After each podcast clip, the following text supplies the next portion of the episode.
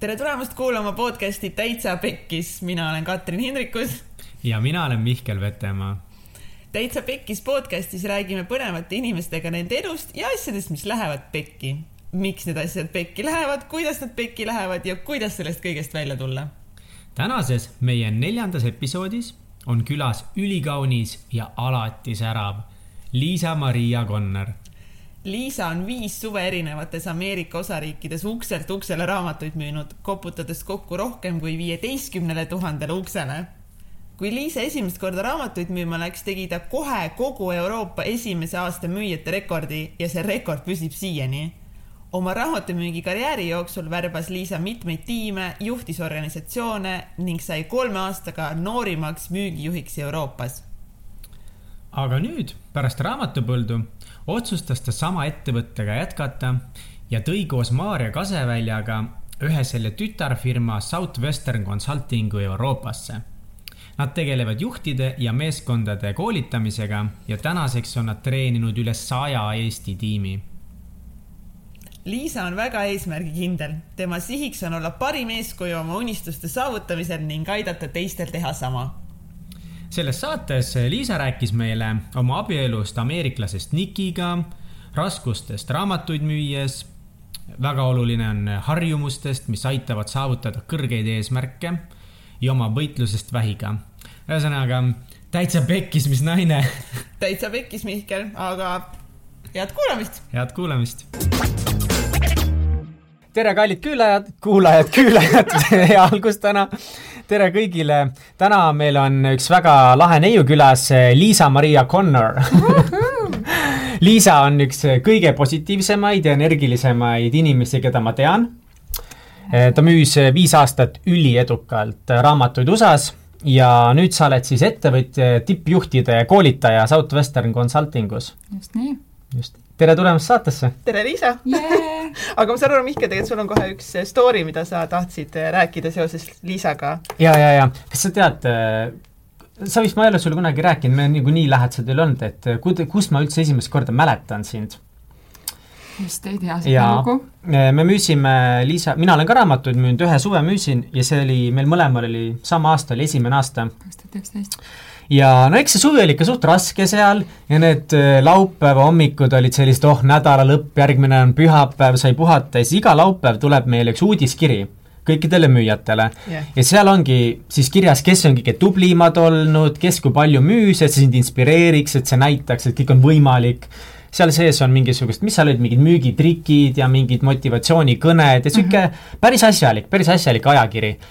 ja iga kord, iga laupäev hommik oli seal mingi tšikk oma kõrvuni naeratusega, first year nagu mina. kes see oli? kes see oli ja ta lihtsalt müüs lihtsalt mingeid ebareaalseid tulemusi ja ma olin jumala närvis nagu, et ma mingi täiega hustlin kuskil Texase kõrbes. ja ta müüb nagu iga nädal sama palju, kui ma müüsin terve suve peale kokku. ja see oli Liisa-Maria Lõoke. mina see olin oh my god, mäletan nii hästi seda lihtsalt, kui ma esimene kord olin, vau, teine kord olin, mis asja, kolmas kord olin, mine metsa. Davai, aitab umbes. vot. aga Liis, räägi, et miks, mis oli see põhjus, miks sa üldse läksid Ameerikasse raamatuid müüma mm? -hmm ohoo ähm,, ma arvan, esimene kokkupuude mul oli sellega, et ühe mu klassi õde müüs raamatuid päris pikalt ka, äh, Triinu Meren. ja, ja kui me olime põhikoolis, keskkoolis, siis me teadsime, et ta õde teeb mhm. midagi sellist, noh, käime mingi sünnipäeval seal, eks ole, kuuled ja nii, ja ma alati mõtlesin, et et issand jumal, et õde on juba päris normaalses vanuses, et nagu saagu juba mingi normaalne töö või nii, et seal müüb midagi ka imelikku. ja siis me läksime kõik ülikooli ja, ja siis ta helistas mulle ja noh, viisakusest võtsin vastu, kutsus, eks ole, kuulama seda ja, ja noh, ma oma peas mõtlesin, et issand, mina küll sinna kuhugi ei lähe, aga noh, ma viisakusest lähen kuulan ära. ja, ja siis see üks viisakuse kohtumine viis, viis teiseni ja, ja kolmandani ja ma arvan, et lõpus oligi see, et ma teadsin liiga palju sellest programmist, et ma teadsin, et ma jään kahetsema, kui ma seda ei tee. et ähm, jah, see oleks, see oleks mul kindlasti kripeldama jäänud ja, ja ma nägin nagu seda suuremat pilti ja, ja, ja siin ma olen peale kõiki neid aastaid, nii et jah ja ja no mina olen ka ühe suve Ameerikas raamatuid müünud ja Mihkel võib kindlasti kindlasti fakti, see on üks kõige raskemaid asju, mida üldse elus teha saab mm, -hmm. on lihtsalt mhm. minna Ameerikasse raamatuid müüma.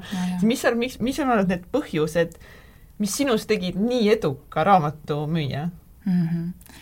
Et seda mult hästi palju küsiti peale mu esimest suve ja noh, siiamaani ütleme, et kui first year'id, noh, esimese aasta tudengid siis on ju äh,, nad proovivad, neil on kogu aeg see rekord on mõtetes, nad tahavad seda üle teha ja siis nad mm -hmm. võtavad minuga ühendust ja siis nad hästi palju küsivad seda. aga kui palju see rekord siis oli? neli tuhat kolmsada seitse. ühikut? jaa ja, ja kuidas see oli, üks ühik võrdus mingi seitse dollarit või? seitse dollarit jah, nii et ütleme, niisuguse üheksateistaastase esmatudengina, tollel ajal olid vist just kroon muutus see aasta, nii et mingi mis ta, ma ei tea, kakssada tuhat krooni või midagi niisugust, võib-olla ma arvutan praegu midagi valesti. ei, see umbes võib-olla mingi kakssada tuhat krooni, kui te mõtlete ühe suvega. jah, et ähm, ja ma olen seda mõelnud ähm,, ma arvan, number üks asi, mis ma tegin teistmoodi kui teised, oli see, et ma ei teinud mitte midagi teistmoodi, kui pidi. et tegelikult äh, ma arvan, et see nagu omadus on mul hästi sees olnud kogu elu, et ma olen hästi õpetatav. mul on nagu see, et kui mingi asi on näidatud, et see töötab ja, ja, ja sul on konkreetsed sammud selleks olemas, siis kuidas ma nagu arvan, et ma suudan seda kuidagi targemini või paremini teha, et miks ma lihtsalt ei võta neid asju ja ei pane neid praktikasse. et aga, aga ma arvan, et see nõuab inimeselt päris palju päris palju, et nagu olla õpetatav ja lõpuni panna oma usaldus mingitesse asjadesse, ega mida sa lõpuni ei tea, kas need töötavad või ei tööta, eks ole. pluss nagu kui sa oled väsinud ja sul on kehv tuju yeah. ja võidelda siis sellega, et no ma tean, et ma peaks nii tegema, aga fuck it yeah. ma ei viitsi. jaa, ja see ongi see, ütleme, praeguses siis karjääris, kus ma olen, kus me aitamegi inimesel, inimesi treenida, eks ole, ähm, ongi see, et äh, seal see nagu vahe tulebki, et nendel hetkedel, kui sa ei tunne, et sa tahad neid asju teha, et kas sa päriselt valid selle, et sa ei tee neid või sa tegelikult valid, et sa teed seda, mida sa tead, mis on õige teha.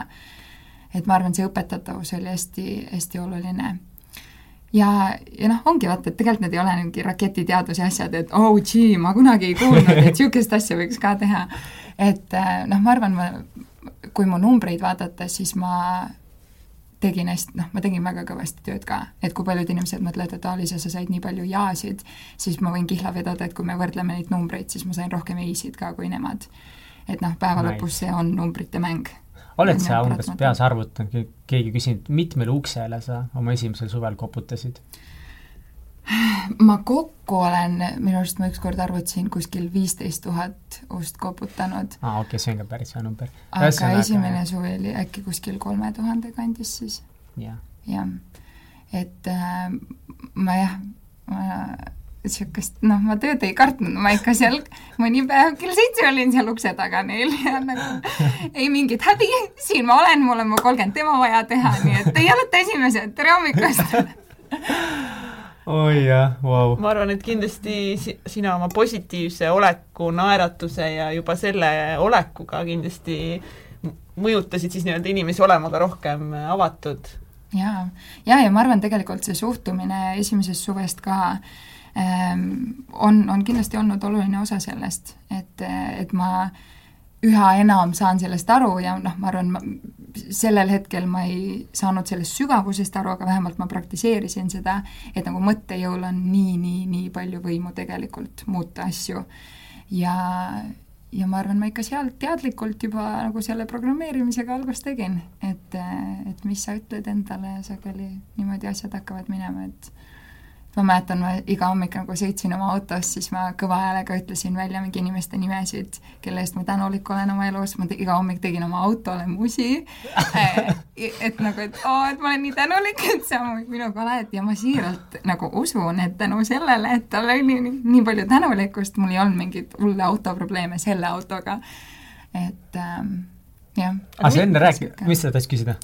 ma tahtsin küsida, et, et mis, mis oli kõige raskem selle Ameerika olles raamatuid müües, siis minu jaoks oli nii raske see, et ma olin üksi kogu aeg mm. -hmm konstantselt tegelikult ma olin nagu üksi enda mõtete kõigega ja minust said need tegelikult mõtted nagu võimu. jah, ma arvan, väga, väga õige, eks ole, et et me oleme ümbritsetud seal nii paljudest inimestest tegelikult kogu aeg, aga, aga samas sa oled, oledki üksi, eks ole, oma mõtetega, et ma arvan, mul oli, mul oli ka kindlasti see üksi olek. näiteks minu jaoks üksi olek polnud üldse raske. ma täiega, mulle meeldis just see Texas oli niisugune nii suur ja avar mm -hmm. ja no muidugi üks põhjus, miks ma väga hästi ei müünudki vahepeal, oligi see, et nii palju oli distraction eid nii palju põnevat, ei olnud aega palju põnevat, lihtsalt oligi, inimesed olid täiega põnevad. ja siis ükskord äh, mingi päeva lõpus ma nägin mingit tohutut äh, silmapiiril mingit tohutut lossi. nagu noh, reaalselt sihuke täiesti äh, vaatad USA kallimad mansionid ja sa leiad niisuguse maja ja siis ma lihtsalt pidin rattaga sõitma sinna kuskile põllu taha kaugele, mis asi seal silmapiiril on. ja ma jõudsin sinna ja ma nägin ühte kõige elu, suuremat elumaja, mida ma elus näinud olen. Ja see oli ehituskäigus ja siis ma läksin sinna juurde, kuna ma olin harjunud inimesi nagu approach ima. Mm, -hmm. inimestele lähenema kogu aeg siis ma ütlesingi, tere, ma olen mingi Eestist, et kuule, mis te siin teete, mingi ehitusmeeste käest mm. -hmm. Nad ütlesid, me ehitame siin ühele miljonärile maja uh. -huh. ja ma ütlesin, kuule, kas ma võin ringi vaadata ja siis nad olid, jaa, tule vaata ringi siin. ja siis oli mingi mega suur tuba seal, noh, see oli kõik täiesti nagu alles seinad alles püsti ja põrand ainult. ja siis ma küsisin, et oh, et kas see on mingi palliruum või mingi, et noh, mingi õhtusöögi, mingi mhm. galatuba mm. -hmm. see on lapse mängutuba. noh, tõesti sihuke, et no vot, minu jaoks oligi kõige raskem seesama, mis sina ütlesid, hoia sellest süsteemist kinni mm. -hmm. aga kui tulid need distraction eesti keeles, mis see on äkki nüüd? siuksed mingid tähelepanu kõrvale. ühesõnaga distraction'id siis minul kogu aeg oli see, et kiskus ühele poole ja teisele poole, oo, mis ja, too seal on ja. ja, ja oota, ma, naljakas, et sa kirjeldad seda, sest ma ise müüsin raamatuid esimene suvi Iowas kui me seal müügikoolis saime teada, et te lähete Californiasse, uhuu, te lähete Alabamasse, uhuu, te lähete Iowasse, uhuu. kuhu, mis asja? et selles mõttes seal olid masipõllud ja, ja farmerid ja ega seal midagi vaadata ei olnud selles mõttes et äh, no, palju jah, ei ma, ma, jah, ma ikka selles mõttes piirkond, ma ei usu, et piirkond lõpuni see, see mõjutaja on. ei, kindlasti mitte kindlasti aga... mitte. jah, raske, huvitav, raske nagu isegi tagasi mõeldes, mis see, ma arvan ikkagi mul, eks ma olen küllaltki emotsionaalne ja, ja eks mul ikka seal emotsioonid käisid üles-alla, kõrvale, kõrv, igale poole kõrvale, vasakule-paremale et äh, ma arvan, oligi kõige raskem oli see enda emotsioonidega tegelemine. Aga selles mõttes ma olin hästi, ma olin hästi pühendunud, et mu mitte kunagi, isegi see mõte, et mul on nüüd nii raske, et ma lähen koju, nagu see ei oleks isegi variant olnud või mul ei olnud kunagi niisugust momenti, et ma reaalselt istusin kuskile teepervele ja mõtlesin oma elu üle. et selles mõttes ma ikka läksin ja koputasin ja siis nagu see mõttetugevus on väga cool. sa enne rääkisid meile, et sul oli autoõnnetus esimesel suvel mm, -hmm. mis juhtus? see oligi nii, et esimesed kaks nädalat ma olin äh, rattaga äh, ja, ja siis nagu hakkasid juba tulemused tulema ja, aga kuna ma olin üheksateist siis ja ma ei saanud veel rentida, siis me tegimegi äh, nädalavahetusel mul siis organisatsiooni juhiga sellise diili, et see auto, mis tema oli just enne seda suve oli investeeringu teinud ja mõelnud, et okei okay,, sellega ma sõidan mitu aastat, ostis enda auto ja me tegime siis niisuguse diili, et pühapäeval sõitsime kokku, tema rentis mulle siis enda auto, ise sai rendika võtta.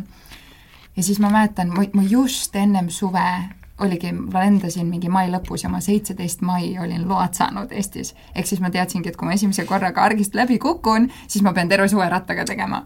aga ega ma väga palju selle autoga nagu päriselt sõitnud ei olnud nii-öelda iseseisvalt. ja nüüd ma olen seal kuskil Iowas, Ameerikas, eks ole, saan mingi uue jumala ilusa ägeda auto. Ma mäletan siiamaani seda pühapäeva, nagu me sõitsime kuskil Walmartist siis lahku. Ma ostsin veel mingeid granola-baare, ma panin muusika mängima, aken oli lahti nagu näpud püsti, niisugune tunne oli nagu this is life. ja siis nelikümmend minutit hiljem, kui ma sellel samal teel koju, siis kiirtee peal ma hakkasin pööret tegema ja järgmine asi, mis ma nägin, oli see, et niisugune kaubik sõitis mulle külje pealt sisse. Ja, ja see oli nii naljakas, ma tulin sealt, noh, mingid politseid kutsuti ja kiirabi igaks juhuks ja kõik asjad, et ma füüsiliselt olin täiesti okei okay,, aga see oli õhtu ka ja ma mäletan, et see politseinik tuli sinna ja ma olin nagu, ma olin šokis sellest, et et kuidas te ei saa aru, et ma pean minema koju magama, mul on praegu, mul on praegu sleeping schedule, ma pean homme tegema kolmkümmend demo, et ma ei saa siin mingeid pabereid teha ja et te peate mind koju viima, ma mäletan, ta andis mulle mingit kokat umbes, et, et natuke suhkrut, et rahune maha ja ja, ja ma arvan, et see oli jah, niisugune päris oluline olukord minu jaoks nagu tagasi vaadates, et ma mäletan, too järgmine hommik oligi niisugune klišee, et vihma sadas ja siis ma seal pillisin. Ja siis ma olin oma rattaga jälle. Ja siis ma helistasin oma, juhile, siis mänedžerile ja tema ütleski, et tead, Liisa, et see ongi see koht, kus sa võid olla kodus ja sa võid nutta ja sa võid haletseda ennast ja sa ei saa tegelikult mitte midagi muuta. Või sa võid oma rattaga keset seda vihma tööle minna, anna endast parima, vähemalt teenida tagasi need summad nagu kahe esimese nädalaga juba ja ma olin siis jõhkralt nagu, oli suur, finantsiliselt suur pauk ka, et ma pidin seal maksma igasugu asju. aa, ongi nii või? jah. Et... et sa olid kohe miinuses nüüd tublisti pärast no, kahte nädalat? ma ei tea, kas, noh, ma juba ka tublilt müüsin ka, et ma ei tea, kas ma päris miinusesse tõmbasin okay., aga ühesõnaga, see oli noh, see oli see koht, mis tegelikult defineeris ka natukene seda, et okei okay,, sul on nüüd see valik, et ja, ja see valik on sinu teha et äh, ja tegelikult see kolmas nädal oli seni mu parim nädal, kolmanda nädala lõpus ma ostsin endale elu esimese auto ise. Ja neljas nädal oli esimene nädal, kui ma siis töötasin autoga, esimene nädal, kui ma müüsin President's Clubi ja, ja sealt kõik läks nagu ülesmäge. et tegelikult see hommik oligi hästi suur nagu otsus. Ja, ja ma arvan, et see oli palju-palju mõjutav otsus. Wow.. jah mõelge nüüd selle peale ei, aga see on tõesti, jaa, let that sink in.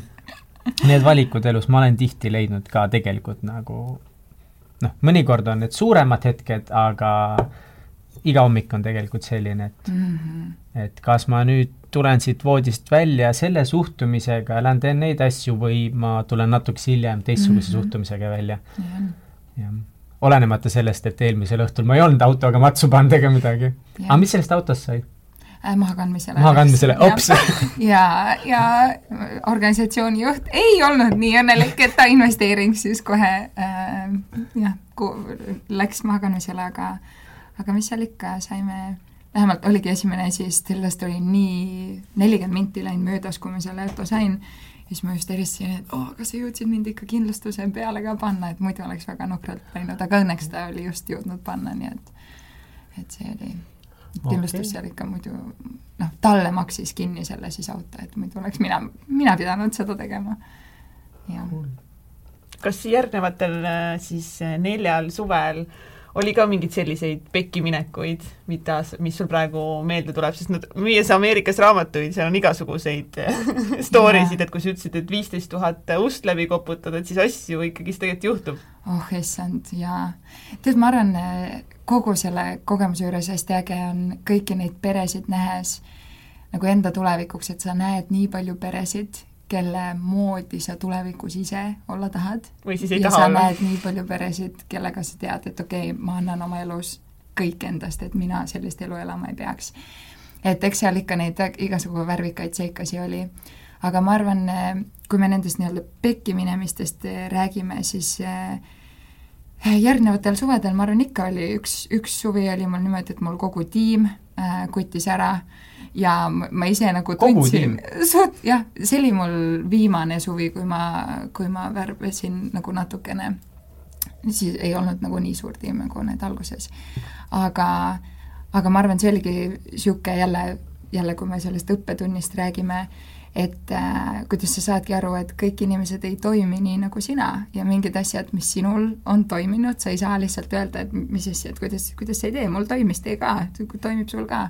et ma arvan, selline oluline juhtimise õppetund, et sa ei saa nagu inimesi kohelda nii, nagu sa tahad, et sind koheldakse, vaid sa pead neid kohtlema nii, nagu nemad tahavad, et neid koheldakse.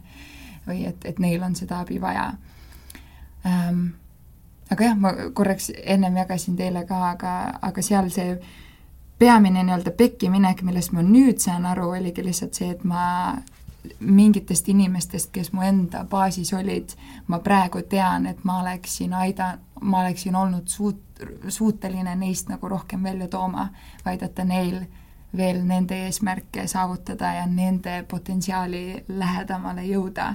Aga kuna mina ei olnud sellel hetkel veel juhina nii pädev, siis, äh, siis nad seda ei teinud. Ähm, jah, ja ma arvan, see, see on niisugune asi, mis ma arvan, ainuke asi, mis mul jäi kripeldama, et kuidas ma selle osa välja figurdan kogu selles juhtimises ja müügis ja äris, et kuidas ma saan aidata inimestel ollagi nendest nende parim versioon.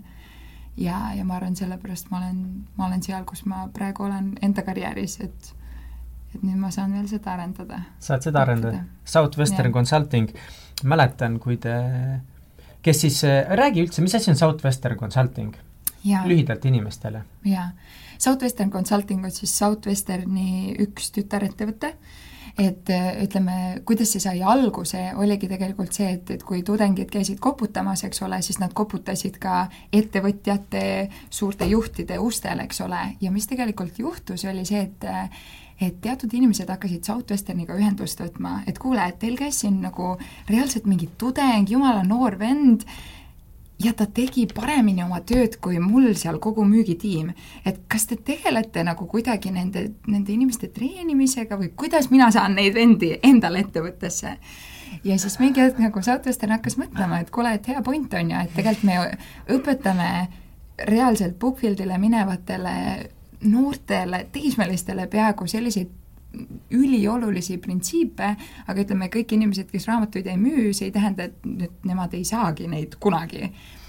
ja, ja siis nad öö, otsustasidki, et esimesed viis aastat tegelikult Southwestern Consulting nägi välja, et nad tegid selliseid suuri seminare, noh, nagu kujutate, Peep Vain näiteks kunagi tegi Eestis, eks ole.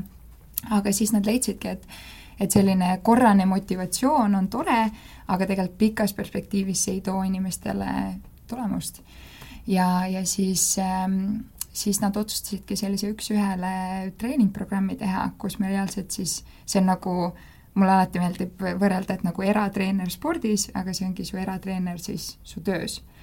et kus me aitamegi sellel inimesel tema eesmärke saavutada, mis iganes need eesmärgid on. nii et me töötamegi põhimõtteliselt müügiinimeste, juhtide, ettevõtjatega ja, ja aitame, aitame nendel jõuda sinna, kus nad jõuda tahavad väga cool. Te Eestisse tulitegi, siis ma just arvasin vist mingi kolm aastat peaaegu tagasi. jaa, kaks tuhat kuusteist, kuskil alguse poole, kaks ma mõtlen, et see on nagu Ameerika ettevõte, miks just Eestist alustada, kõikidest maailma riikidest? jah. eks see tegelikult oligi sellepärast, et mina ja Maarja olime siin, et ega nad lampi siia ei oleks tulnud, et ma arvan, see on üldse saatesteni puhul äge, et nad lihtsalt ei mõtle, et buum, läheks sinna, otsime kedagi, kes seal alustaks, vaid nad vaatavad, et okei okay,, need ägedad inimesed on seal, järelikult me peame sinna minema mm. -hmm. et, äh, et oligi kaks tuhat viisteist lõpp, kui ma oma viimase suve müüsin, siis ma tundsingi, et ma olen kõik saanud, mis ma olen tahtnud äh,, mul on vaja midagi, mingit uut väljakutset, et see ettevõte ja kogu selle printsiibid ja kõik, millele ta on nagu ehitatud, mulle hullult meeldis ja siis me hakkasimegi seal intervjueerima, et Southwestern Consulting oli olemas, aga nad ei olnud Euroopas üldse, kõik oli siis USA poole peal. ja mina ja Maarja siis kolm kuud intervjueerisime nendega, natukene nii-öelda kuulasime maad ja eks me olimegi täiesti niisugused katsejänesed et äh, isegi siia tulles peale seda, kui me kolm kuud intervjueerisime, siis me olime kolm kuud treenisime seal, eks ole, aga ikkagi Eestisse tulles, ega meil ei olnud õrna aimugi, kas see on midagi niisugust, mis läheb siin käima, kui läheb, kuidas läheb, eks ole, et Eestis keegi väga sellist ei, asja ei tee, nagu, nagu me tegelikult teeme. aga eks see õpetatavus siin jälle tundub, et tuli kasuks, et tegelikult see süsteem oli olemas, lihtsalt tuligi järgida seda ja ma noh, nüüd ma võin öelda, et ta on väga hästi käima läinud. et äh, jah, Southwester nagu äh, nii-öelda järgnes meile siis mm. -hmm. see on ülikihvt. siis kui me võrkturundust tegime, siis mäletan, see vist oligi, kui Maarja tuli meile ka demo tegema meie liidritele nii-öelda näitama, et mi-, mis te teete, mis see plaan on ja alguses me olime küll jube skeptilised, et väga kahtlane, mis ei tea, mida me, meil on oma koolitussüsteem, miks meil nagu neid vaja on ja mis asja. aga mm. tegelikult äh, tegid vist huvi küll, et see oli väga huvitav viis, kuidas läheneda ja mulle me-, mulle just üks asi meeldib, kui ma kunagi Maarjaga rääkisin, et et mis see on see, et kui sa kaheksa tuhat euri kuus teenid, siis tuleb kindlasti personal assistant võtta või? mm. -hmm. Ja jah? kui on sada tuhat aastas. Kui on 100 000 aastas, siis on vaja- kaheksa tuhat kolmsada kolmkümmend midagi okei okay., mul on täiega see, ma tahan kunagi teenida Jah. täpselt nii palju, et seda mm. -hmm. personaalset pluss- võtta või?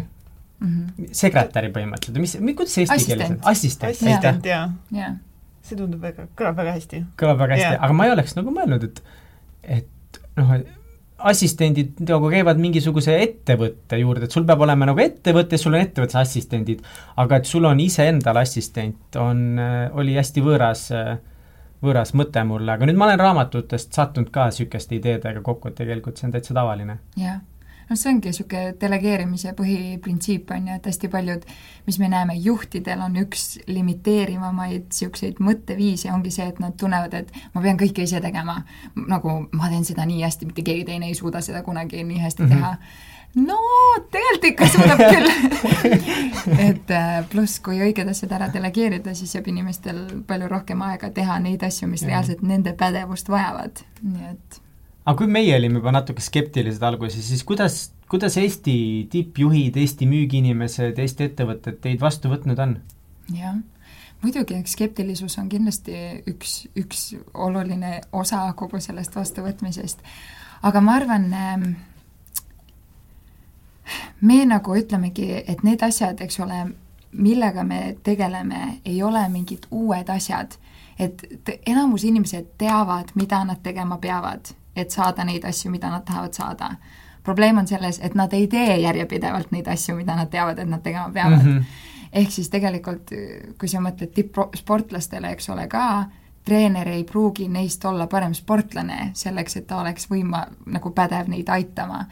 et ma arvan, meie nagu selle coaching'u või treenimise niisugune tuum ongi see käe pulsil hoidmine just nagu niisuguse järjepideva tegevusega. Et ma arvan, noh, me seletamegi ära, et nagu meie eesmärk ei ole võistelda sellega, mis, mis nad juba ettevõttesiseselt treenivad, eks ole, et need on kaks nagu erinevat asja aga kas sa ise siis äh, nii-öelda treenid ka tippjuhte või sina nii-öelda müüd teie programme ainult? Meie üks kõige olulisemaid äh, nagu printsiipe ongi see, et me oleme praktikud esimesena ja coach'id teisena, et ei ole nii, et keegi kuskil kümme aastat tagasi müüs, enam ei viitsi müüa, nüüd ma lihtsalt õpetan teistele, eks ole mm, Mhm. -hmm. et asjad muutuvad nii palju ja ütleme, et kui keegi ütleb mulle, et kuule, et Liisa, et ma ei, ma ei taha, mulle ei meeldi külmikõnesid teha, siis ma saan sellest aru, sest mulle ka ei meeldi, sellepärast tulebki õppida, kuidas väga teadlikult ja hästi soovitusi küsida ja töötada, eks ole.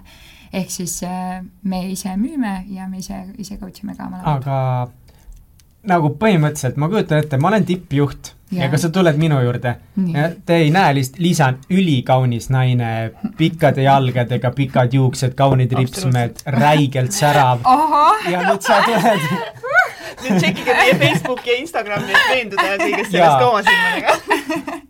Liisa-Maria Connor, Instast läheb ülesse. check it out. Check it out, check her out. et kui sa tuled mulle Jaa. nüüd sinna kabinetti, ma olen nelikümmend viis, Mhm. onju, mul on business, mul on see BEM X5, ma olen suht kõva vend. Mhm. nagu, miks ma peaks sind kuulama, kuidas sa sellega nagu handle inud oled? ülihea point. ma arvan, nüüd ma olen kindlasti hästi palju enesekindlam selles, aga ütleme, kui me kaks aastat, kaks pool aastat tagasi tulime, eks ole, ma olin, mis ma olin, kak-, just sain kakskümmend neli nagu raamatumüügi baas, eks ole, mis ka sageli Eestis on niisugune nagu skeptiline teema, eks ole, ja siis mõtlengi, et okei okay,, et kuidas ma nüüd lähen nende viiekümneaastaste juurde ja ütlen, et ei, ma oskan küll aidata teid. et äh, jaa, see on, see oli reaalselt alguses, ma arvan, üks mu suurimaid äh, hirme, et kuidas, kuidas ma saan nii teha, et nad võtavad tõsiselt mind reaalselt, et nad ei mõtle lihtsalt, et aa, see on mingi noor, noor tšikk ja müüs seal midagi ja mida iganes, aga meil on, meil asjad käivad teistmoodi. et äh, aga ma arvan, et siin ongi kõige olulisem see tegutsemine, et sa, sa teed ja teed ja tegelikult sa saad aru, et inimestel ei ole noh, tippjuhtidel ka, neil ei ole see, et I have it figured out, on ju, ma juba tean kõike, kõik on inimesed, kõigil on mingid kasvukohad. Ähm, ja, ja kui inimene on piisavalt avatud, eks ole, et siis päeva lõpus ei ole nagu oluline, et milline see inimene välja näeb, kes teda aitab, eks ole. et ähm, ja ma arvan, numbrite mäng ka, eks ma olen jõhkralt palju olnud kohtumistel, eks ole, kus ma saangi aru, et mulle pigem vaadatakse niimoodi, et aah, ei tea sinu kohta, aga piisavalt palju teed, siis leiad need ägedad üles ka. Jah, ja siis hiljem on ju pea näidata, et mis sul nagu nii-öelda portfoolios siis on. absoluutselt, jaa, praegu ei ole mingit probleemi mul näidata, et vau, vau, vau, ma tean küll, mis, kuidas me saame sind aidata, nii aga mi-, mitu miitingut siis näiteks oled teinud umbes kokku oh,? ma arvan, Eesti, ma arvan, Eesti tiime erinevaid, ma olen üle, mingi üle saja nagu teinud selliseid workshop'e mm -hmm. ja, ja siis üks-ühele ma arvan ka midagi sarnaselt mm. -hmm. et äh, jah, Eestis me oleme ikka nüüd tiimiga kokku mitusada tiimi ära treeninud, nii et. okei okay., nii et ikka raske töö, ei ole midagi. tegutseme hakkame tegutsema mis on, no mis on olnud võib-olla siis kõige põnevamad väljakutsed äh, nüüd selle Southwestern Consulting uga mm, -hmm. kui te olete alustanud siin Eestis? jah, ma arvan, nüüd ongi selles mõttes meil mingid süsteemid paremini sisse kujunenud, et see on nende tegemine, ma arvan, kõige raskem, keerulisem oligi see algus. et eks ikkagi ähm, see kultuuriruum on veits teine, eks ole, et ja ütleme, niisuguseid USA-st tulnud asju natukene ka skept-, see läheb ka sinna, see skeptilisus tuleb veel, eks ole, et kuidas Eestis vastu, vastu võetakse, aga noh, alguses me tulime ju niimoodi, et meil ei olnud meil olid kõik asjad inglise keeles, et me Maarjaga reaalselt me kandsime nii palju erinevaid mütse et me tegime nagu mingit administratiivset tööd ja tõlkimist ja coaching ut ja workshop'e ja me helistasime ja me proovisime neid süsteeme paika saada ja ma ise olin magistris veel, mul oli ma magistri viimasel aastal, nii et ma töötasin, siis ma olin õhtul koolis, siis ma tegin veel mingi USA coaching kõne mingi a la kell kümme. et, ähm, et ma arvan, see algus oli kõige keerulisem, aga nüüd on magister lõpetatud ja asjad paika saadud, nii et ma arvan, et see ongi periooditi on okei okay nagu panna oma pea nii-öelda alla ja täiega all in teha neid asju, nii et. aga milles siis Eesti juhid kõige rohkem coach imist vajavad? hea küsimus mis neil viga on jah, eks noh, selles mõttes coaching us me ütleme ka, et meil on niisugune, meil on hästi niisugune rätsepteenus, et meil ei ole selline üks suurus sobib kõigile programm, ehk siis eh, ongi, et need kasvukohad tegelikult inimestel on päris erinevates kohtades. aga ma arvan, nagu üks asi, mis me oleme näinud, mida kõige rohkem inimesed vajavad, on, ehm, on aja planeerimine ja süsteemid selles osas. et meil kõigil on sees niisugune nii-öelda loominguline vältimine ja me täidame oma päeva mingite teisejärguliste tegevustega ja me võib-olla väga täpselt isegi ei tea, milline me tahame, et meil see ideaalnädal välja näeks ja mis seal isegi sees peaks olema, eks ole. ja siis ongi nii-öelda kõik noogutavad, oo jah. ja siis me juba eos tegelikult jällegi nagu sellest pekki minemisest räägime, rääkides, eks ole, me juba eos paneme ennast niisugusesse olukorda, kus on lihtsam nagu, et asjad lähevad pekki, eks ole. Et ma arvan, et see on kindlasti üks, üks selline koht okay.. ja noh, inimestega, ütleme, kui me konkreetselt juhtimisest räägime, siis ma arvan, kus asjad lähevad ka pekki ettevõtetes, on see, et eestlasele ei ole väga loomupärane tunnustamine. et see on noh, juhtimises nii oluline printsiip ja noh, niisugune Eestis see mõtlemine on jah, et kui ühe korra aastas ütlesin talle, et tubli, tubli oled, nagu tubli töö, päris okei okay et, et noh, kuidas ta siis aasta aega ei saa selle emotsiooniga nagu ei kanna seda või midagi. et, et ma arvan, nagu õppimine, niisugune inimeste, inimestega tegelemine ka kindlasti. jaa, aga ja. läheme hoopiski teise teema peale mm. -hmm. hiljuti sul oli elus üks päris suur avastus. päris karm avastus. räägi meile, kuidas, mis juhtus ah,? Oli jah siis äh, ma, kõigepealt see, see positiivne asi oli see, et ma, ma abiellusin just üheksateist mai jaa Aga, siis- palju õnne. palju õnne. ma olen Instas näinud nii palju pilte su pulmadest, mingi oh my god, ja see oli päris äge see nägi äge välja. ja sa olid hullult ilus pruut ja. Nick nägi räigelt hea välja lihtsalt, oh my god. täiega wedding goals. jaa, suht. Nii äge, aitäh.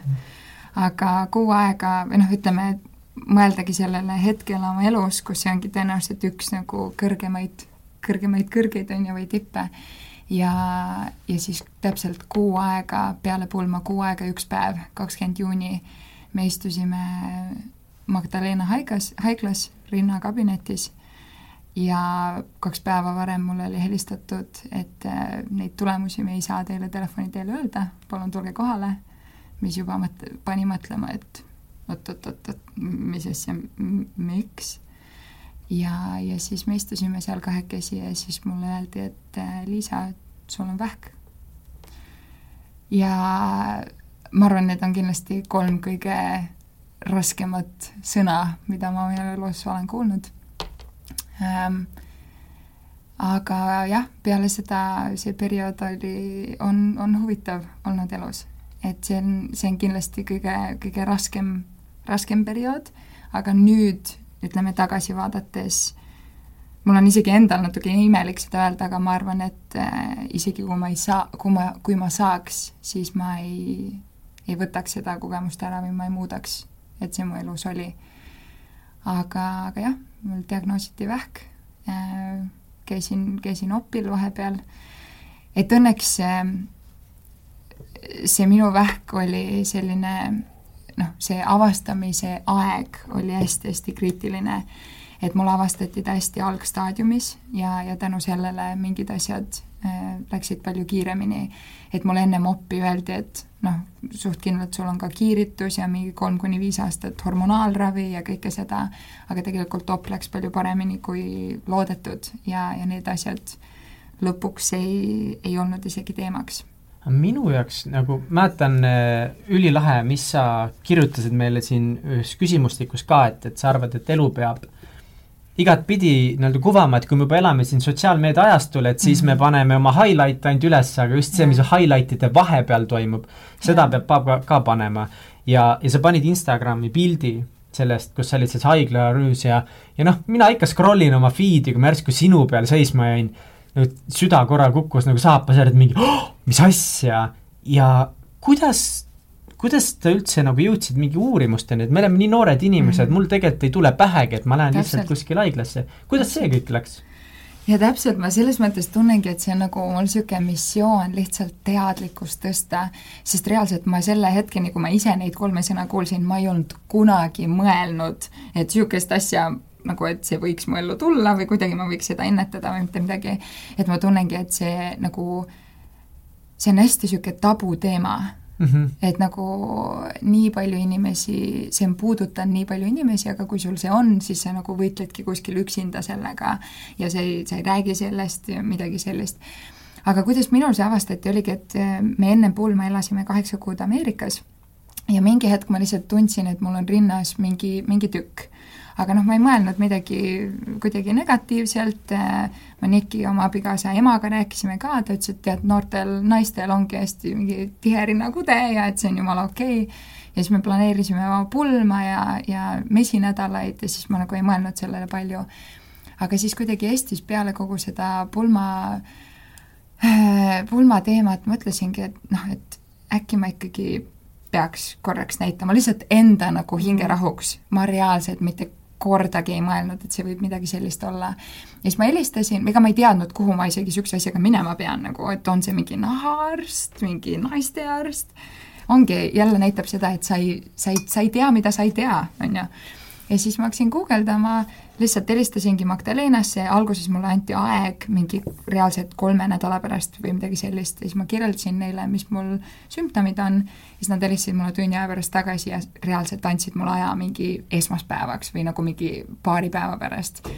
ja siis jällegi mingi väike asi, aga mõtled, et okei okay,, et kas, kas ma peaks kuidagi muretsema? Ja siis ma läksingi sinna kohale ja no katsuti ja tehti biopsia ja, ja siis, siis kahe nädala pärast saimegi need uudised, et selles mõttes noh, ongi see teadlikkus ongi noh, kui ma räägin ainult naiste puhul, siis lihtsalt ei pea tormama kuhugi nagu haiglasse kohe, aga lihtsalt niisugune nagu enesekeha tundmine, et ei ole nagu raske puudutada ja mõelda, eks ole, et seal mingeid tükke ei ole. aga mis olid need esimesed mõtted sinu peas, kui sa saidki need kolm sõna ja, teada? kui sa olid seal koridoris nii-öelda? kas see mit-, nüüd on, nüüd ongi metsas ja miks mina?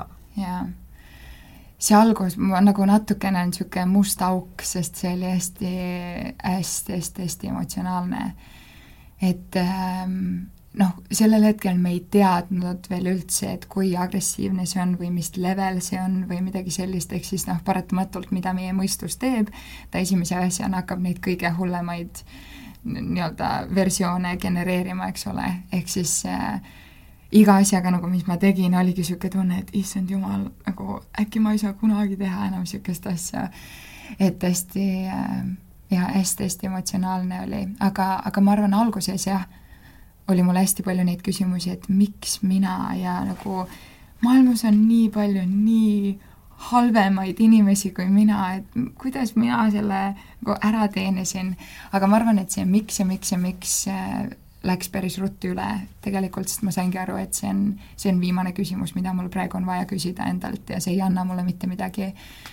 et äh, ja arst ütles ka, et niisugust nagu põhjuslikku mis sul seda tekitas, seda vastust sa ei saa mitte kunagi, et sa emotsionaalselt saad tegeleda sellega ja nii-öelda enda jaoks välja mõe-, mõelda, eks ole, et mida see haigus tuli sulle õpetama, aga sellist oma kõikidele miksidele mm. sa kunagi seda vastust ei leia et äh, aga jah, mul oli, ma arvan, niisugused kolm, jällegi tagasi vaadates ma saangi aru, et olid niisugused kolm nagu perioodi, et see esimene periood oligi täiesti niisugune mingi musta augu periood, et lihtsalt nagu nutsin kogu aeg, hästi emotsionaalne äh,, noh, oligi hästi niisugune kurb, kuri, hästi palju erinevaid emotsioone aga siis teine periood, ma arvan, oligi nagu niisugune nagu võitlusperiood, et ma sain aru, et nagu õppisid aktsepteerima seda olukorda, aga pigem oligi niisugune mina versus see haigus ja nüüd on mul vaja sõdida ja läbi tulla.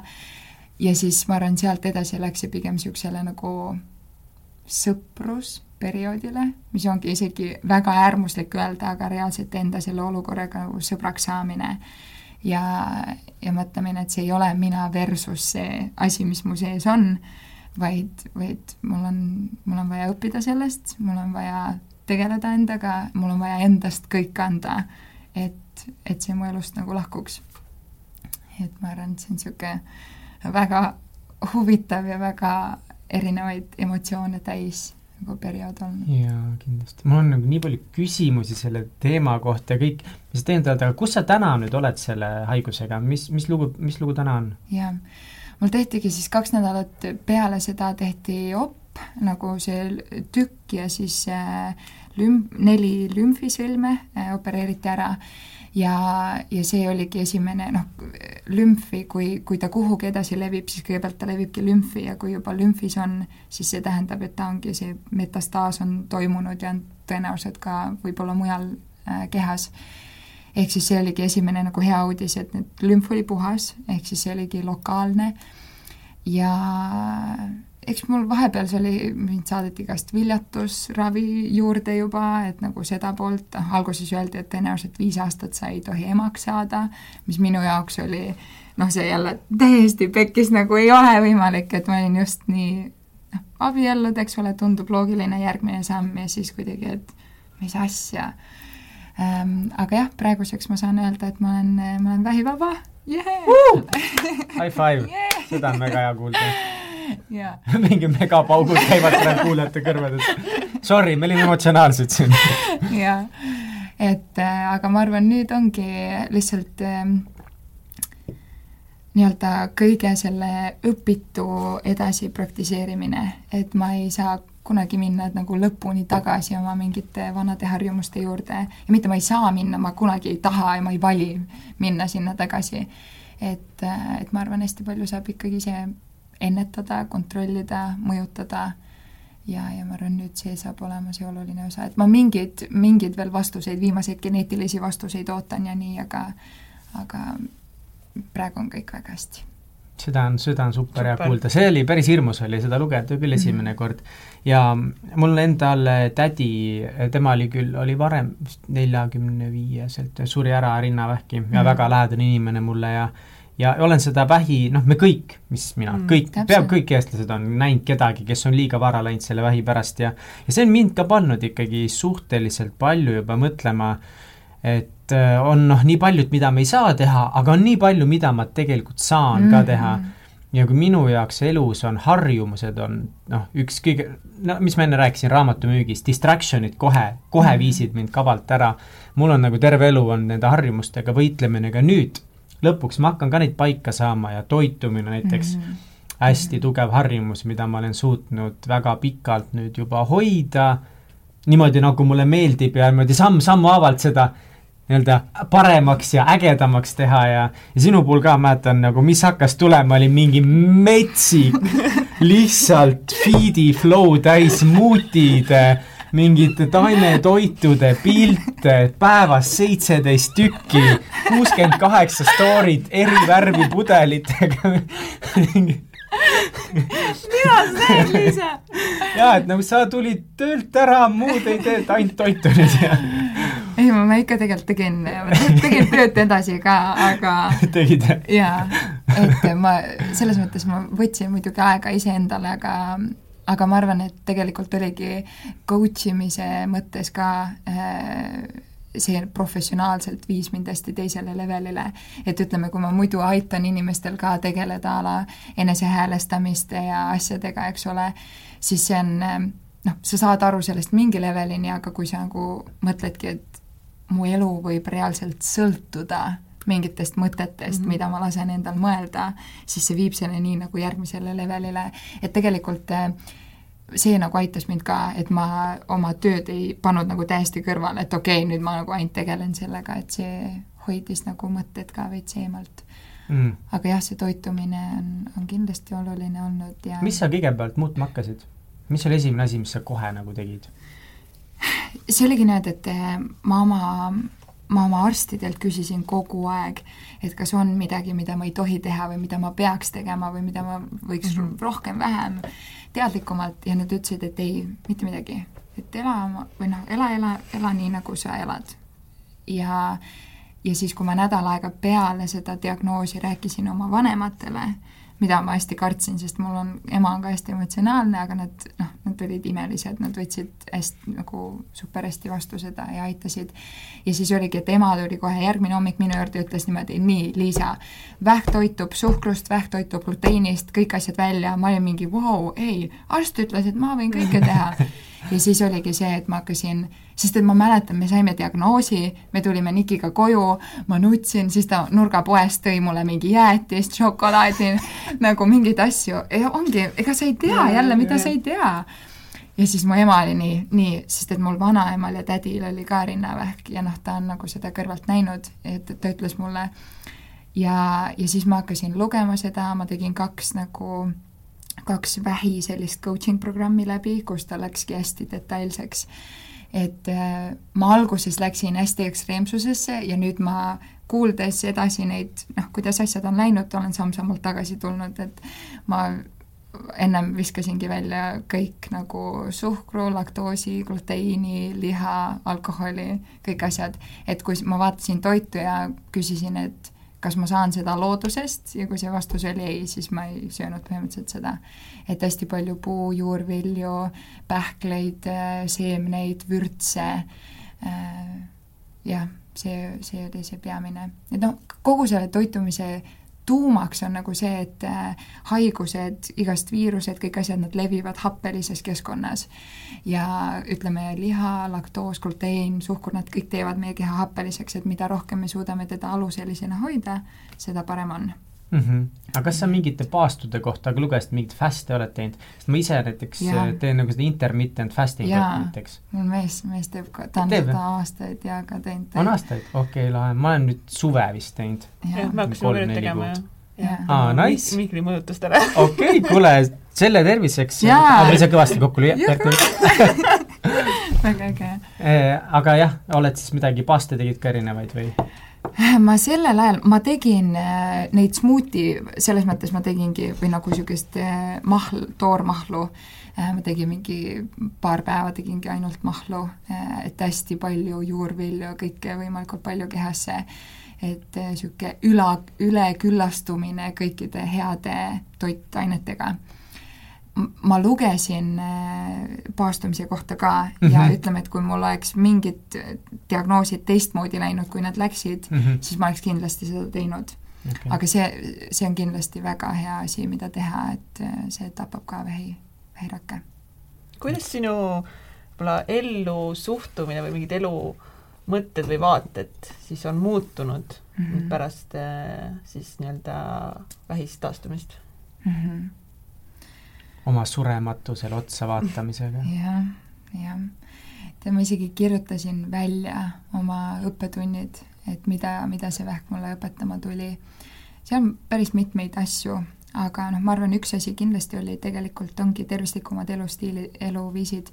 et ma ei ole kunagi, ma olen terve elu sporti teinud, ma olen heas vormis olnud, ma olen äh,, aga ma ei ole ebatervislik olnud, aga ega ma ei ole väga teadlikult ka toitunud või mingeid asju teinud. et äh, pluss ma olen hästi palju nagu magus on mu lemmikasi, ma võisin neli jäätist päevas süüa, nii et silm ka ei pilgu.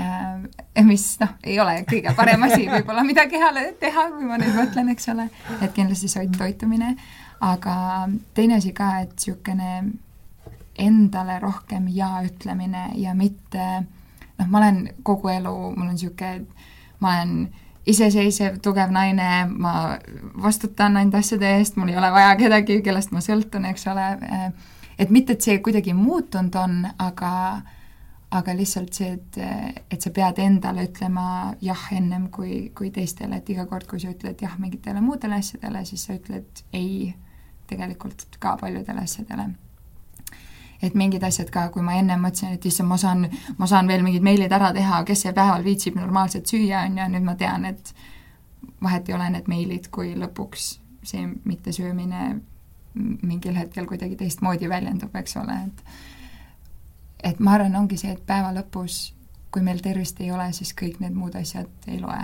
noh, reaalselt ei loe, sest mm -hmm. et sa ei, sa ei saa midagi muud teha mm. -hmm ma arvan, mul endal nagu naiselikkusega ka kindlasti hästi palju, et ma olen hästi sellises nii-öelda saavutamise ja edasi pürgimise mentaliteedis hästi kaua nagu sees olnud ja, ja see kuhugi ei ole kadunud, aga, ja, ja kindlasti see on nagu abieluga ka tulnud, et äh, us-, teise poole usaldamine rohkem ja ongi naisena nii-öelda emotsionaalselt endale mingiteks asjadeks luba andmine et ähm, jah.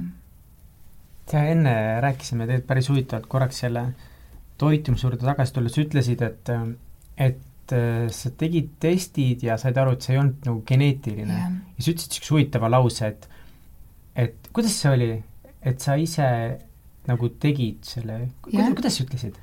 Jah, et äh, tegelikult pal-, enamus inimesed, kui nad mõtlevad vähile, siis nad mõtlevad, äh, et aa, see on kuidagi geneetiliselt tulnud, aga see protsent vähkidest, mis tuleb geneetiliselt, on tegelikult kordades väiksem kui see, mis tuleneb meie harjumustest ja meie elustiilist. ja mu suurim nagu lootus või soov oligi see, et see geneetiline test oleks negatiivne, siis siis ma sisimas teadsin, et okei okay,, kui mina tegelikult olin see, kes selle tekitas, siis mul on võimalus ja vastutus ka sellest vabaneda mm. -hmm. et äh, jah, kui mina selle lõin, siis ma saan ka selle ära viia. see on täpselt see põhjus ka, miks ma mingi hetk, või noh, ma ei saa öelda, et mitte täpselt see põhjus, aga aga niisuguste teiste inimeste sarnaseid mõtteid kuulates ma kuidagi hakkasin rohkem rõhku panema just sellele, et kuidas ma söön, mida ma söön ja, ja ka magamine näiteks jaa, ülioluliseks jaa, saanud just, et saada näiteks noh, ma olen, ma olen katsetanud, mis see minu jaoks siis see kõige parem on. ja ma tunnengi, et tegelikult ikka seitse kolmkümmend kuni kaheksa tundi ja. ja need päevad on alati mul kõige paremad, kus ma rahulikult magan kaheksa tundi välja. jaa jaa, samamoodi nagu sa ütlesid, kõik need harjumused, need harjumused ongi näiteks toitumisega, eks ole, et kui sul ei ole kodus neid asju, mis on sul head süüa, siis sa ei saa süüa neid, on ju, aga paratamatult, kui sa lähed poodi, jällegi meil on mingi harjumus osta mingeid samu asju, eks ole, et see vajabki niisugust teadlikku lihtsalt korraks ümberprogrammeerimist. et nüüd ma teangi, mul on väga tugev harjumus lihtsalt osta koju õigeid asju ja ma tean, et ma söön neid, kui nad mul kodus on vau, on ju. et, äh, et aga jah, see korraks see teadlikkus, et okei okay,, ma tahan seda muuta ja ma lihtsalt astun mingi sammu, on ju. mulle tundub, et sina pluss nii-öelda need Southwesterni printsiibid võrdubki selline mingi uskumatu edasiliikuv jõud, mis igasuguse probleemiga vastu seistes natukese aega nutab ja siis leiab tee, jah. aga mis sa arvad, no kui sa ei oleks SV-d teinud, kui sul oleks neid printsiipe mm, -hmm. kas oleks näiteks selle haigusega nii-öelda võitlemine või sellega hakkama saamine teistmoodi olnud? ma arvan, kindlasti oleks. noh, jällegi ma, ma ei, ma ei saa lõpuni öelda, sest ma ei tea, on ju äh,, aga ma arvan, kindlasti, kindlasti oleks teistmoodi, et äh, ma arvan, ma ei ole kindel, kas ma oleks isegi julenud jagada seda kõike, kui ma ei oleks noh, läbi läinud kogu sellest SV-st ja nagu tundnud ennast kindlana selles olukorras ja jällegi ma ei ütle, et igale inimesele mingis raskes olukorras jagamine on kõige parem asi, mida ta tegema peab, aga minu jaoks kogu selles protsessis selle asja jagamine oli kõige parem asi. et ma sain hästi palju kiirelt mingit abi, mida ma muidu ei oleks saanud ähm, ja ongi SV inimesed, kes on sarnase mentaliteediga, et eriti meil USA poole peal ka noh, oligi, et noh, nemad, nad palvetasid mu nimel ja ongi minu nagu mina uskusin nagu nende usku mm, -hmm. et kui nemad usuvad ja nemad seda teevad, siis see on hea. et äh, ma arvan, kindlasti oleks raskem olnud, kui mul ei oleks seda tausta mm. -hmm. jah need printsiibid nagu, mida sa oled nii palju välja toonud, mis need printsiibid üldse on, mis on nagu sellised, sa ütlesidki, et raamatumüügis õpetatakse teatud printsiipe tudengitele, Southwestern Consulting us yeah. on mingid teatud printsiibid, mida, mille järgi te toimite, mis need printsiibid on? jaa yeah ma arvan, üks asi, esimene, see, see kõlab nagu hästi klišeelikult, aga noh, selles on tõde, et see, et igas olukorras sul on, sa saad leida võimaluse ja sa saad leida vabanduse ja igalühel meil on mingid vabandused. Äh,, aga just, et nagu see, see ei pea olema nagu niisugune mingi üdini positiivism, on ju, et sa nagu halvad asjad juhtuvad ka ja vahepeal ongi okei okay neid emotsioone, emotsioone tunda, aga lihtsalt see, et sa näed neid võimalusi, sa ei jää kinni sinna, sa ei jää haletsema ennast, sa ei jää nagu ohvriks. Ähm, et ma arvan, see kindlasti noh, siis ma arvan ka niisugune tegutsemine, et mingit, mitte asja, mingite asjade edasilükkamine, samamoodi, et nagu äris, eks ole, et niisugune tubli tegutsemine toob meile tublid tulemused, samamoodi nagu tervisega või mingite asjadega personaalses elus. kui me lükkame neid edasi, on ju, siis me ei saa seal tulemusi, kui ma ei oleks arstile läinud, mu lugu oleks võinud hoopis teistmoodi lõppeda et mingite asjade mitte edasilükkamine, vaid reaalselt ärategemine. Üks, üks printsiip, mis on siiamaani sellest ühest suvest, ma arvan, on kõige rohkem minu elu mõjutanud, on see, et äh, control the controllables. Oh,. et noh, kontrolli neid asju, mida sa saad kontrollida ja, ja lase minna nendel asjadel, mida sa ei saa kontrollida. Mm -hmm.. noh, on siis selleks ilm äh,, mida keegi sulle ütleb, eks ole. mida keegi mulle ütleb, millised on teised inimesed äh, minu ümber, kes valitseb, kes on riigis, eks ole, valitseb, et need, nagu ma ei saa otseselt nagu mõjutada neid asju, siis miks need, miks ma lasen endal tegelikult nendest asjadest nagu olla mõjutatud. täiega. et see on nagu üks asi, mis ma kindlasti Ameerika raamatumüügist olen äh, kaasa endale võtnud, et vaadata, et kas see on midagi, mis sõltub minust, kas ma saan seda mõjutada, siis ei saa, siis noh, järelikult mul ei ole mõtet selle peale närvi minna, vihastada, miks vihma väljas sajab, nagu noh, sajab, siis sajab, et et see on kindlasti üks suurimaid asju. ja, ja ongi tegelikult, kui sa mõtled, siis enamus inimesed oma nagu keskmises päevas frustreerivad ennast asjade pärast, millel neil ei ole mitte mingit kontrolli, on ju, mida sa lihtsalt peadki aktsepteerima ja ma olen -hmm. täiesti nõus see, need niisugused pekkiminekud elus võivad olla suured, on ka väiksed ja see esimene printsiip, mis sa ütlesid, et äh, nii-öelda just nagu see otsuse tegemine või otsuste mittetegemine mm, -hmm. just see, või noh, nii-öelda see attitude, kuidas sa suhtud ja vabandused ja nagu kogu see punkt, mul on sellega nii tihti probleeme, me just enne Katsiga arutasime, et ma olen see nädal iga hommik viis kolmkümmend ärkanud mm, -hmm. jumala tubli, on ju.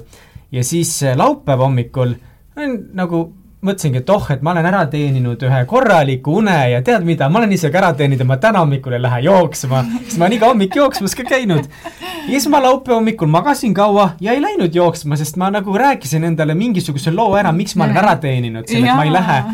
Ja laupäev oli palju ebaproduktiivsem, kui ta oleks võinud olla ja ma pärast oli mega kahetsesin, et miks ma ei läinud jooksma, okei okay,, ma magan kauem, on ju, magan välja ennast ta-ta-ta aga jooksma minemine, mul üli, üli, ülipahane olin enda peale ja täna hommikul läksin ilusti jooksma, ülihea hommik oli, et et niisugused väiksed pekkiminekud on kuidagi mm., need igapäevased otsused, et see, see on nagu nii raske mm.. kuidas sa hoiad ennast nii-öelda selle distsipliini peal kogu aeg või oma selle schedule'i peal mm? -hmm ma arvan, see natukene läheb tagasi sinna, mis ma alguses ütlesin, on ju, et kui sa ei tea, milline su ideaalnädal või ideaalpäev välja näeb, siis sa ei hakka kunagi elama seda, on ju. et ma arvan, see algab üldse sellest, et sa noh, paned selle taotluse ja sa paned konkreetselt plaani, sest et noh, siis on seda kõike palju lihtsam teha, eks ole. Et ma arvan, niisugune planeerimine on kindlasti osa sellest. Ja ma arvan ikkagi niisugune teadlik häälestamine ka et äh, ja jällegi see võib, see nagu esmapilgul võib tunduda hästi niisugune mingi voodoo asi, on ju, et või niisugune mingi pehmo tšakrate avamine, et see ei ole nagu päris see, vaid see reaalselt, need mõtted, mida sa mõtled, loovad su reaalsust, on ju. et, et kas või ähm, ütleme, selle vähi teemas ma mäletan, ma kirjutasin välja kogu enda selle loo, kuidas kõik asjad lähevad, ma kirjutasin välja mingid laused, mida ma iga hommik nagu endale sisestasin, kas või see, et ma, ma olen terve, ma olen tänulik, ma olen õnnelik, ma olen rahulik. Ähm, et nagu ongi hommik, nagu sa tõid välja, on tegelikult nii-nii oluline, eks ole. et, äh, et mul on need laused, mida ma loen, ma olen neid kirjutanud kõige kohta, et mul on niisugune elulaused, mul on isegi mingid nagu äh, nii-öelda abikaasana või naisena oma mehega mingid laused, eks ole, mis ma, mis ma endale meelde tuletan, kuidas ma reageerin mingitele asjadele.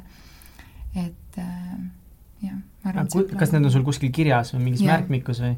ja kas sa siis need loed endale ette või sa ühe korra kirjutad ära ja siis sa rohkem ei vaata seda või? mul on need äh, kirjas ja välja prinditud ka jah, nii et ma ikkagi, ma, ma ei saa öelda, et ma tegelikult iga päev neid päris loen, aga mingi korra nädalas ma kindlasti loen neid. ja lihtsalt see teadmine ka, et nad on olemas ja et ma olen võtnud selle aja mm -hmm. ja läbi mõelnud nad, ma arvan, et see on kindlasti oluline Dreamboardid ka kindlasti, jah? aa, ma nägin on... sinu ühte pilti, ma ütlen, et tänapäeval Instagram täitsa lõpp, ma nagu teaks, ma teaks nii palju asju sinust, sest lihtsalt Instagram. ma tegin terve Liisa kohta research'i tema lihtsalt nagu Instagrami feed'i. kõik on olemas, mida sa tahad? mitu päeva lihtsalt scroll isin, lugesin kõik läbi, vaata jumala hästi saab ennast ette valmistada inimese elu kohta. jaa, see on natuke see nagu natuke see creepy on. Ju, noh, veits kuule, ma tean, sul köögis nurgas on vaata need asjad, räägi nendest.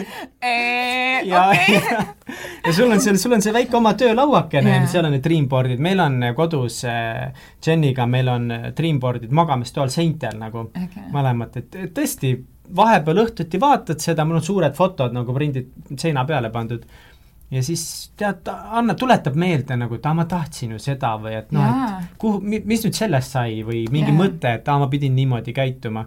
aga jällegi, ükskord ma pidin ära vahetama oma Dreamboardi, sest mingid asjad nagu, ma kasvasin välja nendest, mingid asjad saavutasin, mingid asjad ma sain aru, et okei okay,, see ei tule kunagi välja umbes. ja siis mul läks aasta aega, et lihtsalt mm. see pagana Dreamboard välja vahetada mm.. et lihtsalt vahepeal ma ei tea, mis mul on lükkan nii räigelt asju edasi, mis sa ütlesid, see teine printsiip, et tegutse lihtsalt mm. -hmm. et kui sa oleks mõnda asja siin elus edasi lükanud, et siis oleks võinud kehvasti minna mm. -hmm. see on crazy, jah jah, minu arust see oli ülihea, mis sa ütlesid, et et sageli, kui me mõtleme niisuguseid, need suured pekkiminekud tegelikult ongi sageli mingi väikeste pekkiminekute lihtsalt kogu, kogum, on ju. et äh, mis, mis me, väiksed asjad võib-olla, mis me ei näe nii väga, et okei okay,, et see oli nüüd noh, see oli mingi halb otsus või midagi, aga kui need, kui me laseme järjepidevalt neid asju kuhjuda, on ju, et siis me mingi hetk näeme ka päriselt seda mm. -hmm. seda halba poolt. kas on veel mingeid printsiipe Southwesternist või SV-st, mis me nagu mõned käisime üle, aga siis ma hakkasin vahele jutustama ja jäi pooleli või sa vist said kõik niisugused tähtsamad põhimõtted öeldud? jah, no ütleme selle visualiseerimisega täpselt nagu sa ütlesidki, et et äh, et mis me oleme ka coaching us näinud, on see, et inimestel on meeldetuletusi palju rohkem vaja kui uut infot. et, äh, et mida rohkem sa saad nagu ümbritseda ennast mingite asjadega, mis sulle meelde tuletavad seda inimest, kes sa olla tahad või neid eesmärke, mida sa saavutada tahad või kuhu sa jõuda tahad, seda lihtsam on nagu teha neid, sest et sul ei lähe nad lihtsalt meelest ära mm.. et see sageli ei ole see, et et sa pead hullult nagu uusi asju õppima, vaid sul peavad nad lihtsalt piisavalt lähedal olema, et see oleks piisavalt oluline, et sa päriselt teeksid seda mm -hmm. nagu. et ma arvan, jah aga on sul mingid niisugused äh, väga konkreetsed rutiinid ka või? näiteks Tim Ferris küsib äh, hästi palju oma külalistelt, et kas neil on mingi spetsiifiline hommikurutiin, et äh, aga kui, saad kohe vastata, kui sul juhuslikult ei ole spetsiifilist hommikurutiini, kas sul on nagu mingid asjad, mida sa teed, et sa kindlalt teed iga nädal või iga kuu või? jaa, ma arvan, on, on küll. mingid asjad, kui ma lihtsalt kodust mõtlen, näiteks meil meil on selline reegel, et meil on tehnoloogiavaba magamistuba, ehk siis meil ei ole seal, meil ei ole telekat muidugi, aga meil ei ole kunagi arvutit ja meil on, uksepiit on see, kust telefonid ei tohi üle tulla ka. et, et meile meeldib meelde, mõelda, et see ongi niisugune oaas, et kui sa oled seal, sa oled seal, on ju, et et ma arvan, see on kindlasti üks oluline harjumus, mis me oleme nii-öelda abielupaarina juurutanud, ongi see, et see on üks niisugune nagu reegel, mis meil kodus on. Äh, ma arvan, nüüd mul toitumisega on kindlasti mingid, mingid rutiinid, et iga hommik, mul hommik algab sellega, et ma joon äh, ühe, see on niisugune nelja soola segu, äh, mis teebki keha alu selliseks ja siis ma joon ühe kuuma vee ja pigistan sidruni sisse, et see on kohe hommikul niisugune hästi hea power. ma teen tavaliselt hommikuti trenni ka, ma ei tee iga, iga päev, aga äh, neli päeva nädalas kindlasti käin hommikul trennis ka ähm,.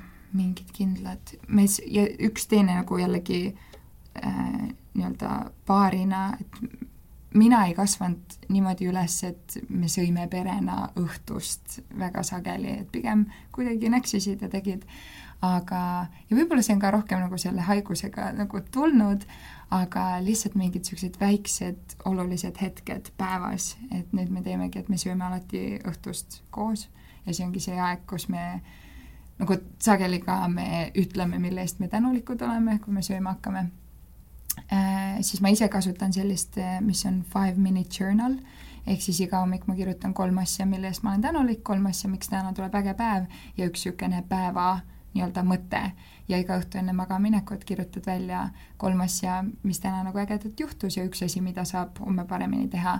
et ma seda hakkasin tegelikult tegema oma, ma arvan, teisel või kolmandal suvel, ehk siis ma arvan, ma olen seda teinud viimased neli-viis aastat.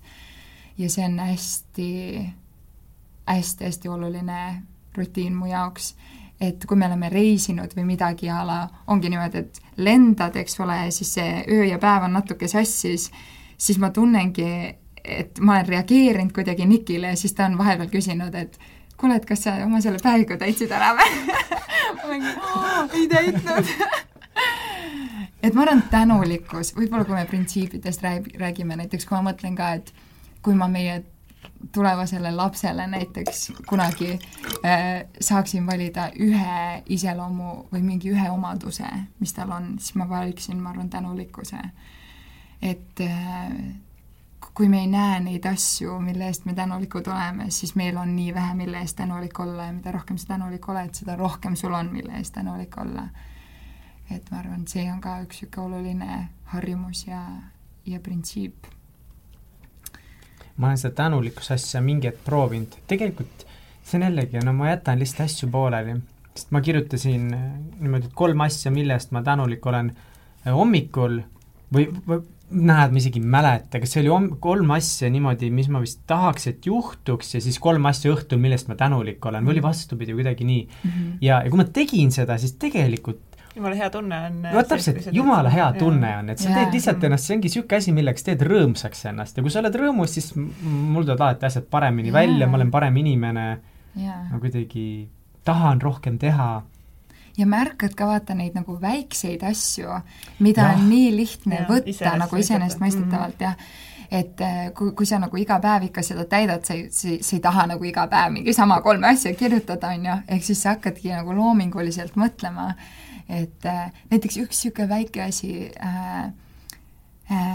jälle võib-olla, kui ma ütlesin, vaata, et raamatumüügis ma tegin iga hommik oma autole musi, ütleme, need asjad võib-olla kõik kõlavad natukene kahtlaselt, et ee, Liisa, ma ei tea, kas ma päris sinna läheks. aga nagu, ma arvan, see lõpuks ongi see, et see, mida sina usud, äh, on, on kõige olulisem ja mina usun seda, et kui ma näitan seda tänulikkust, siis on kõik hea.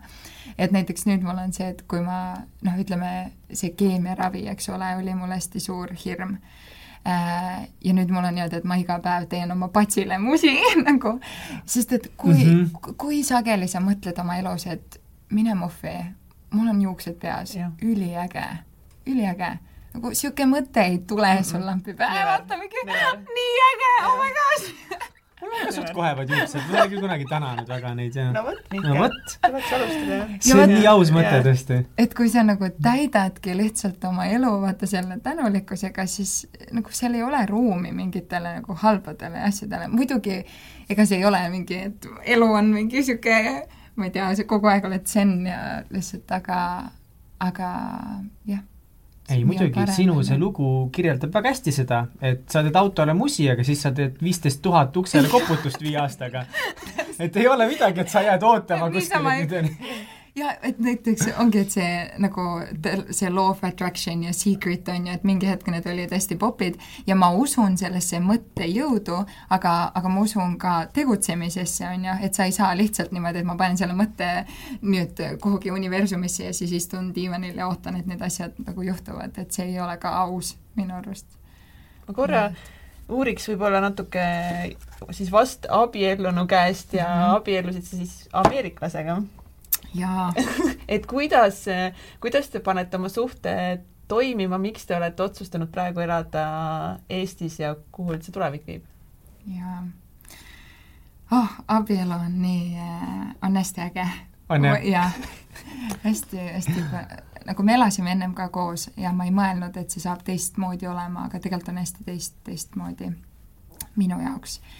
et äh, ma arvan, et temaga suhe on ka hästi õpetlik olnud igatpidi, et noh, me tegime kaks aastat põhimõtteliselt, eks ole, pika distantsi ja see ei ole pikk distants, et nagu Viimsi ja kesklinn, vaid see on nagu viis tuhat kilomeetrit, on ju, pluss ajatsoon, et päevas on ainult nii palju tunde, kui sa üldse saad temaga ühenduses olla.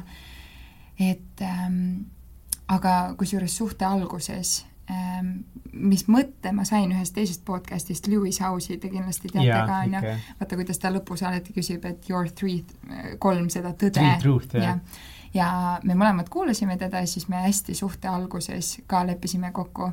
me oleme kaks tükki välja mõelnud, me selle kolmandaga veel tegeleme, aga kaks tükki tulid hästi lihtsalt ja me leppisime kokku, et et we can do hard things, et me saame teha raskeid asju ja armastus alati võidab ja ma arvan, need printsiibid on meil nagu hästi tugevalt edasi kandnud ka, et me oleme noh, ma julgen öelda, et me oleme päris palju raskeid asju nagu koos tehtud saanud ja ta on hästi, ma olen talle hästi tänulik kogu selle haiguse osas ka, et ta oli hästi tugevalt mu kõrval, kõrval ja nii.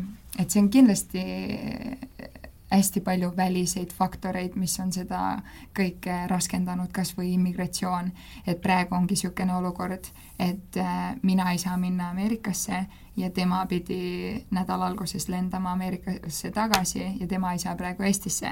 nii et me olemegi kahel kontinendil lihtsalt kinni eraldi et äh, et eks siin ongi palju ohverdusi on vaja tuua, aga eks need ongi, et sa ise otsustad, eks ole, et mis sinu jaoks on väärt neid ohverdusi anda või tuua. oota, aga te olete abielus ju? kas sa ei saa siis sellega mingit USA kodakondsust kaasa ja mingi vastupidi või? Vot sellega ongi nii, et me elasime kaheksa kuud, ennem seda olime USA-s, eks ole, me tegime seda minu green card'i protsessi, aga alates sellest uuest valitsusest on need asjad nii palju muutunud, et mingid asjad, mis ennem võtsid neli-viis kuud, nüüd võtavad kuskil aasta mm. ja noh, meil oli pulmakuupäev paigas, kuhu me pidime tagasi tulema ja kuna selle protsessi käigus me tulime tagasi, siis praegu mina enam tagasi ei saa minna. et ehk siis oligi, et see, et elu on nagu hästi palju niisuguseid nagu takistusi visanud, et me nagu, mina olingi kuidagi enda jaoks välja mõelnud, et okei okay,, nüüd me oleme USA-s, me, me tegelikult pidime juulikuus tagasi lendama USA, me vaatasime seal juba nagu maja ja kõike niimoodi, et okei okay,, et siin saab kodu olema ja nii, ja siis järsku päevapealt, et okei okay,, see ei toimi, nii, mõtle uus plaan välja. nüüd me, nüüd me oleme Eestis. Nüüd tema lendas tagasi, et ta müüb kõik enda nagu asjad seal maha, on ju, sest meil oli seal ka korter ja, ja nüüd ta seal, nüüd ta on üldse, praegu on ta kuskil New Yorgis, proovib selle viisa kätte saada, et ta saaks üldse tagasi tulla. et äh, mind täiega huvitab üldse, mis ta teeb üldse, millega tegeleb? tema on ka, me tegelikult tutvusimegi Southwestern Consultingus, et tema on ka coach, treener okay,. Okay. Ta praegu enam Southwestern Consultinguga ei tööta, aga ta teeb, ähm, ta teeb ka coaching ut, ta teeb okay. rohkem sellist life coaching ut ja ta töötab ainult meestega. Okay.. et äh, ta noh, niisugune valdkond on selles mõttes sama, aga tema läheb hästi palju rohkem sügavuti, et ta tegelebki nendel, ütleme, niisuguste võib-olla kasvatusest kaasa tulnud mm. mustritega, ta teeb mingeid hingamisharjutusi, asju. Ja oligi näiteks, mina sain osa sellest kogu selle haiguse osas ka, et et kui ma selle diagnoosi sain, siis ma kogu aeg, ma tundsin nagu siin rindkeres hästi tugevat pinget kogu aeg ja ma tundsin, et ah, mul on nagu raske hingata ja ma ise muidugi mõtlesin, et mul on ta kopsus ja igal pool juba kõik on pekkis. aga siis ta tegigi mul mingeid hingamisharjutusi ja mingeid asju, mis ma alguses olin nagu hästi skeptiline, aga, aga see tegi palju kergemaks. Et, et koos on palju ägedam nendest raskustest läbi minna. Ja muidugi meil see koosolek on genereerinud ka palju rohkem raskusi teele ise viskate endale. Oleks ka väga palju kergemalt saanud. Aga, aga ma arvan, ongi see, on see pühendumus ja. nagu mis iganes asjas, et kui sa oled pühendunud, siis sa leiad selle võimaluse nagu. kuidas ta kuidas ta Eestiga üldse ära harjus või kuidas talle see Eesti kultuurishokk oli raske, oli kerge? see on Nick siiamaani naljatab, et äh, kui me, kui me tutvusime, siis ma ütlesin, et ma olin Eestist äh,, tal ei, ta ei olnud, ta ei olnud elu sees sõna Eesti kuulnud, tal ei olnud õrna aimugi, kus kohas see kaardil on. ta guugeldas peale seda, kui me lahku läksime, et okei okay,, et kus see, kus see tüdruk pärit on. ja nüüd ta nagu on oma tulevikku või noh, nüüd ta elab siin, et äh, aga ma arvan, algusest peale ka me leppisime kokku, et me oleme mõlemad hästi nagu avatud.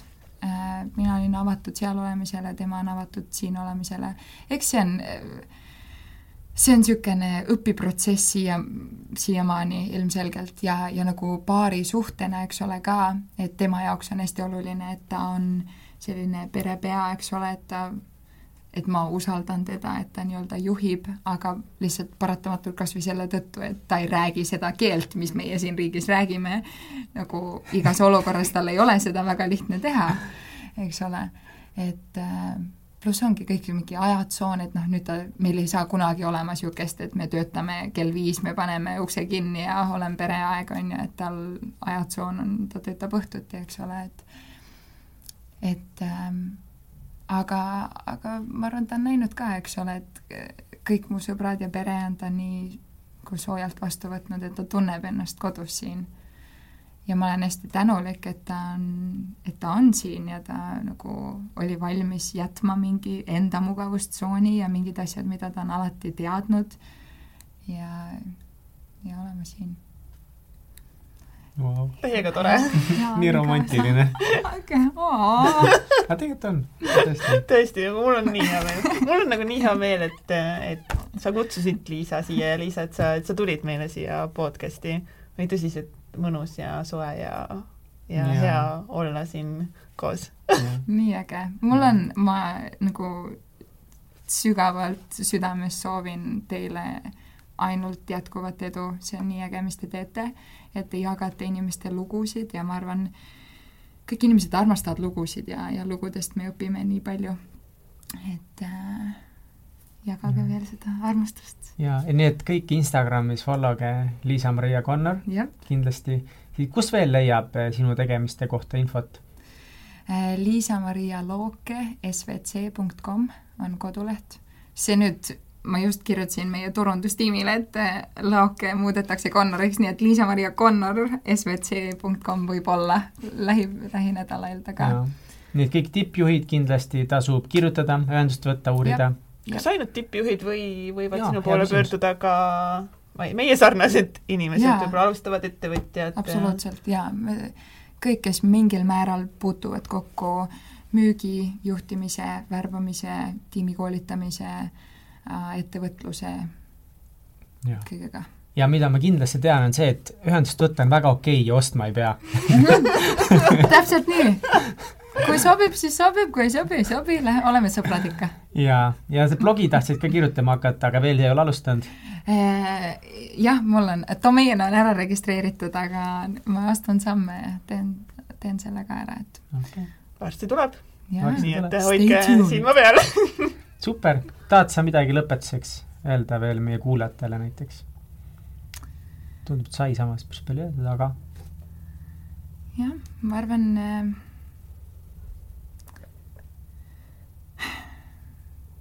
lihtsalt nagu nautida seda, seda, kus me oleme siin elus ja mis me teeme.